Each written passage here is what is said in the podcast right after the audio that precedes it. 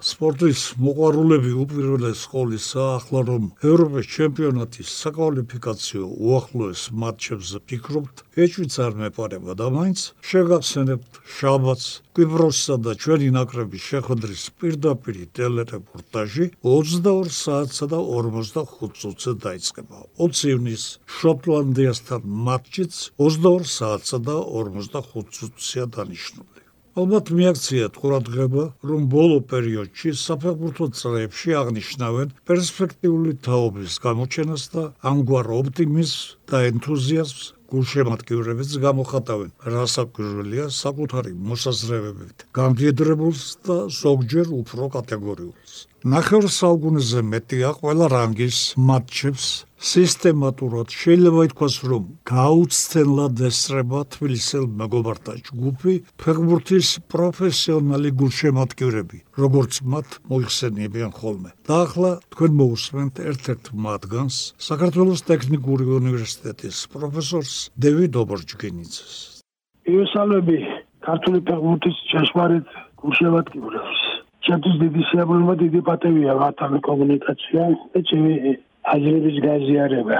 უახლოვდა სამაგრებო თამაშები, ისევ აღიძრა იმედები ჩვენში და დღეს ამიგდებს უფრო რეალური საფუძველი ვიდრე ადრე ქონდა. თორემ თელი 40 წელიწადია თითქმის იმედებით ცხოვრობთ.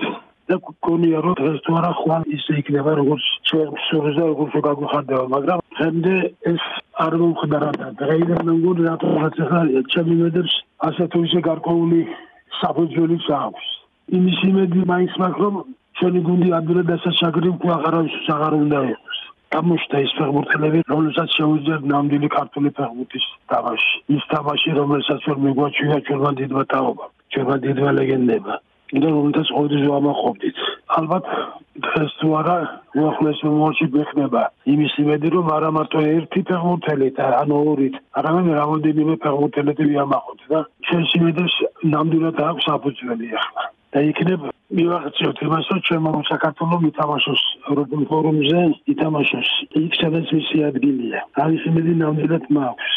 იმ ქვეყანას რომელიც პაიჭალები და ხოღობერიზეები და მეტრეველები და მესხები და ყიფიანები ყავდა და ჩივაძეები და ხურცელავები და ასე შემდეგ და ასე შემდეგ არ შეიძლება იმ ქვეყანას როლით ფეხბურთი არ თამაშოს ის ფეხბურთი რომელიც ასე მოწონს ჭეშმარიტ გულშემატკივარს იტალიელები რომელი გაკრუებულები არიან რომ ვიღაც უცნობი ბიჭი ჩამოვიდა და ცოტა განსხვავებული ფეხბურთის თამაშია როგორია თურმე? განსხვავებოდა თამაშობ არასტანდარტულად, არაშაბლონურად, არადასწავლილი და წრთელის მიერ ჩადებული ფეხბურთი თამაშობს, მოედაზე არამედ იმპროვიზაციას, ტექნიკას, სილაღეს, სილამაზეს, ყველაფერი მას რასაც ლამაზი ფეხბურთი ქვია, რასაც ქართული ფეხბურთი ქვია. ნახოთ, კიდევ მაგ იმის იმედი რომ ერთად გამოჩნდება თაობა, ერთად, ერთად ჩაყვედაზე მას ალბათ უნდა როგორც იქნა უნდა გაიხსნა და ძველი ჩაკვეთაზე უნდა გახდეს ეს მიქაუტაძე ის გინეო ესო დავითაშვილიო ესო ფოჩაშვილიო ესო და ასე შემდეგ. მოკლედ მე მაქვს იმის იმედი რომ პეუნაზე დავждები და შეამაყეთ უყურებ და შეამაყეთ აღუშები ჩვენი ფეხბურთელების თამაშით. ხერხა მისვინოს და ხერხა უშულოს ყველა ქართულ გულშემატკივარს ის ოცნება რაც აქვს ეს აუცილებლია რომ აუცილებლად მოხდება იმედი ცოცხალ ადამიანი იმედი არ მოუშალოს საქართველოს ერთმა და ქართული ფეხბურთის ჯაშმარიტ მოყვარულებს. ნახოთ, ნახოთ. მე მგონი გამოჩნდა სინათლე. ალბათ ყველაფერი ისე იქნება, როგორც შეგვიძლია. იღბალი საჭირო და ეს იღბალი უნდა შემოტრიალდეს ჩვენს კენას ზურგი აღარ უნდა გეჩვენოს. დასაგვირველია გაიზიარებ თუ არა ყველა მოსაზრებას შეხედულებებს თანამედროვე ქართულ ფეხბურთზე თქვენივე გადასაწყვეტია. თუმცა აქ ალბათ სადაოს ბევრი არაფერია. დაველოდოთ საქართველოს ნაკრების ამ ორ მატჩს და ერთი კვირის შემდეგ ისევ შევხვდეთ ჩვენს მიმონხილველს გია ცანავას ახლა ჭადრაკი როგორც იცით, ბათუმმა ღირსეულად უმასპინძლა 8-დან 18 წლამდე გოგონათა და ჭაბუკთა დიდ საჭადრაკო ფორუმს, სოფლიოს ჩემპიონატს. დიდოსტატი გია გიორგაძე გაგვიზიარებს თავის შტაბ-შტილებებს. მიოსალნე სპორტის გულშემატკივრებს, მიოსალნე თქვენ რადიოს მენელებს 5-12 ივნისი ბათუმში ძალიან დიდი საჭადრაკო ზეიმი ჩატარდა. ძირითადი ტურნირი იყო მსოფლიოს ჩემპიონატის სტრაფ ჭაზაკსა და ბლიცში 8-დან 18 წლის ასაკის ჩათვლით. ამ დიდი ღონისძიების რომელშიც მონაწილეობდა 35 ქვეყნის 500-მდე წარმომადგენელი, პარალელურად გამართა ძალიან ბევრი სპორტული აქტივობები, რომელთაგან გამოყოფთ რა თქმა უნდა ჩემპიონების მატჩს, მერი არაბიძე და ნინო ბაციაშვილი, ებრძოლებოდნენ უკრაინის წარმომადგენლებს მარია და ანა მუზიჩუკებს. ჩვენს გულშემატკივრებს კარგად ახსოვთ, რომ შარშან მსოფლიოს საჯარო ოლიმპიადა სწორედ ამ ორი გუნდის გამარჯვებით დასრულდა. ჩვენ უკრაინასთან ერთად გავიყავით პირველი მეორე ადგილი და მხოლოდ ამატებითი მაჩვენებლებით აღმოჩნდა უკრაინა გამარჯვებული, ასე რომ სპორტული ინტრიგაც იყო ამაში თუ ერთი წლის შემდეგ რა მდგომარეობა არის გუნდებში და როგორი იქნებოდა მათი მზადყოფნა მატჩისათვის. მარია და ანა უბუზუჩუკები არიან სოფლიოს წამყვანი მოჭადრაკეები, იცით რომ ისინი მრავალჯერ სოფლიოს ჩემპიონებიც იყვნენ, როგორც სწრაფჭადრაკში, ისე ბლიჩში, ისე კლასიკურ ჭადრაკში ანა უბუზუჩუკი ასე რომ მერი არაბიძე წელს გახდა ევროპის ჩემპიონი ინდივიდუალურ ჩათვლაში და აი სწორედ ეს ინტრიგას აღვივებდა ყოველივე ეს წინა პირობა და მატჩი წარიმართა. ძალიან საინტერესოდ ძალიან დაძაბული მატჩი იყო და დამთავრდა 3-3 ისე როგორც წინა ოლიმპიადა, ასე რომ მე ვეხოვნე გოგონებს რომ ისევ გაიყავის პირველი მეორე ადგილი მეთქი. მაგრამ შემდეგნაირად მიმდინარეობდა მერი არაბიძე ეთამაშებოდა ანა მუზიჩუკს, სამი პარტია თეთრები სამი შავებით და ნინო ბაციაშვილი ეთამაშებოდა მარია მუზიჩუკს სამი პარტია თეთრები სამი პარტია შავებით. იდენტურად თითო-თითო მატჩი მოიგეს დანჩენი დამთავრდა ფრედ. ძალიან საინტერესო პარტიები იყო, რომელიც გადაიცემოდა პირდაპირ ეთერით ონლაინ რეჟიმში ინტერნეტის საშუალებით და მრავალმა სოფლიო საჭადრაკო საიტმა გააშუქა ეს მატჩი, ასე რომ როგორც შარშან, წასალ სტატუსკო შენარჩუნდა ორივე ქვეყნის ნაკრები, როგორც საქართველოს უკრაინის, ისე დაზავდნენ და მეგობრულად აშორდნენ ერთმანეთს. ამ ღონისძიების გარდა გამართა კიდევ მსოფლიო ჩემპიონატის საჭადრაკო კომპოზიციაში.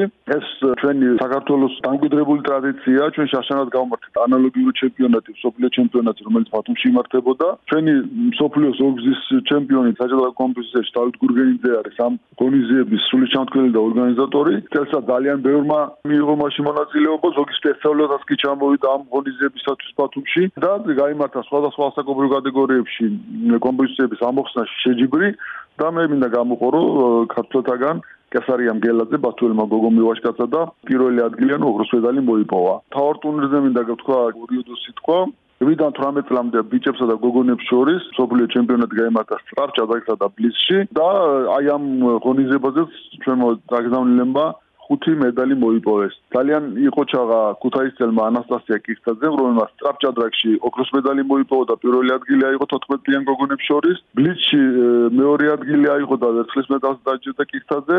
თუმცა მეორე ადგილი აიღო აგლეთვე 10-იან გოგონებში ბარბარე ჭიოკაძემ და მესამე ადგილი აიღეს კესარიამ გელაძემ, რომელმაც აგრეთვე კომპოზიციაში პირველი ადგილი აიღო და დიანა ლომაიამ 18-იან გოგონებში.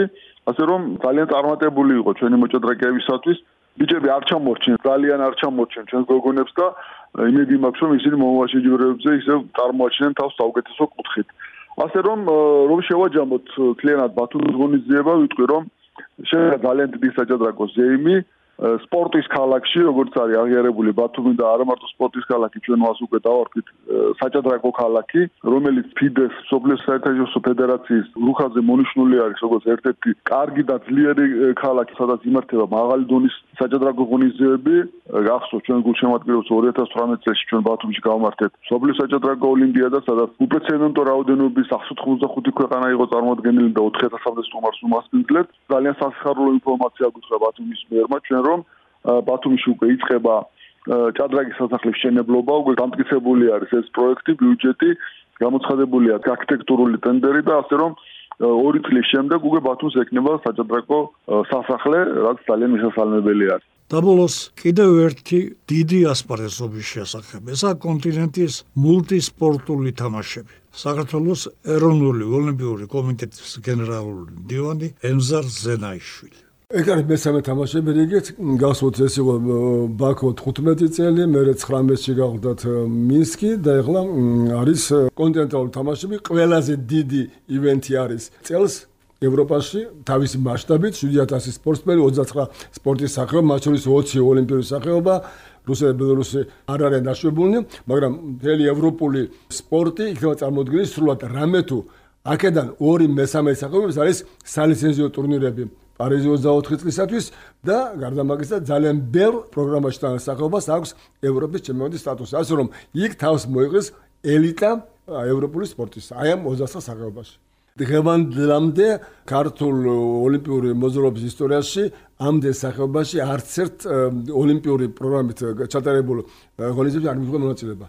29 სახეობიდან რომელიც არის დაილი პროგრამაში კრაკოვში საქართველოს მიიღეს მონაწილეობას 16 სახეობაში. გეოგრაფია ძალიან კარგი არის. მათ შორის 13 არის ოლიმპიური სახეობა. 100 სპორტსმენი. დელეგაცია დაახლოებით 175 კაცი. ყოველი მესამე სპორტსმენთან არის გოგონა. კარგი მაჩვენებია ჩვენთვის კარგია, თორე საერთო სოლის მაჩვენებით კარგი არა, მაგრამ ჩვენთვის წინსვლა და კარგია გოგონების რაოდენობა მატლობს ჩვენს გუნდში. შემდეგ გუნდში არის ოლიმპიური თამაშების ჩემპიონი და პრიზიორი 5 კაცი. უნდა არის 15 სპორტსმენი, რომელიც არის ან მსოფლიოს ჩემპიონი და პრიზიორი, ან ევროპის ჩემპიონი და პრიზიორი. ასე რომ ამ ხრივა ძალიან სერიოზული გუნდია თავის ხარისხულობის შემადგენლობით. ძალიან ბევრი კარგი სპორტსმენი ჩვენ გამოჩენილი სახეები ასპარეზობს იქა. რაც შეეხება მედლებს და შედეგებს, რთულია. მაგალითად ჩვენ გვქონდა 16 მედალი ბაქოში. და საერთო გუნდური 21 ადგილი.